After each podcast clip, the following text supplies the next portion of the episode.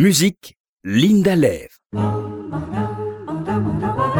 Alors, aujourd'hui, on va parler d'Henrik Wieniawski, qui est né en 1835 à Lublin, en Pologne, et mort en 1880 à Moscou. Il est né dans une famille juive bourgeoise polonaise très cultivée qui organisait régulièrement salons musicaux et soirées littéraires. Cet environnement intellectuel et culturel a favorisé le développement artistique des enfants.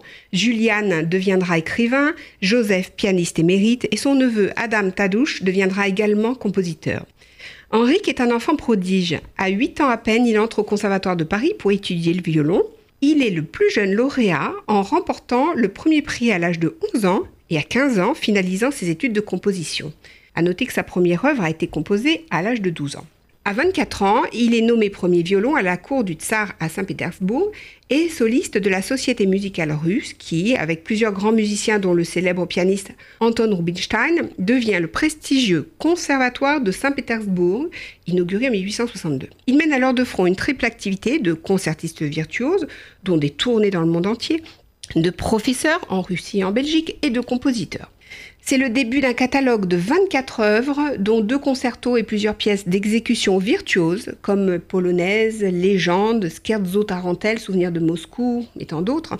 Et c'est en écrivant Légende qu'il vaincra la résistance des parents de sa future épouse Isabella Bessie Hampton, qui était opposée au mariage. Il meurt en 1880 à Moscou d'un infarctus. Ses funérailles ont lieu à Varsovie où une foule immense de 40 000 personnes suit son enterrement. Il repose au cimetière de Powązki à Varsovie. L'une de ses filles, Régine, née en 1879, deviendra également une compositrice reconnue sous le pseudonyme de Poldowski.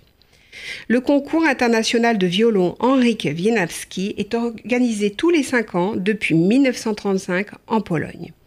Alors écoutons la fameuse légende, restée une pièce de référence du répertoire du violon.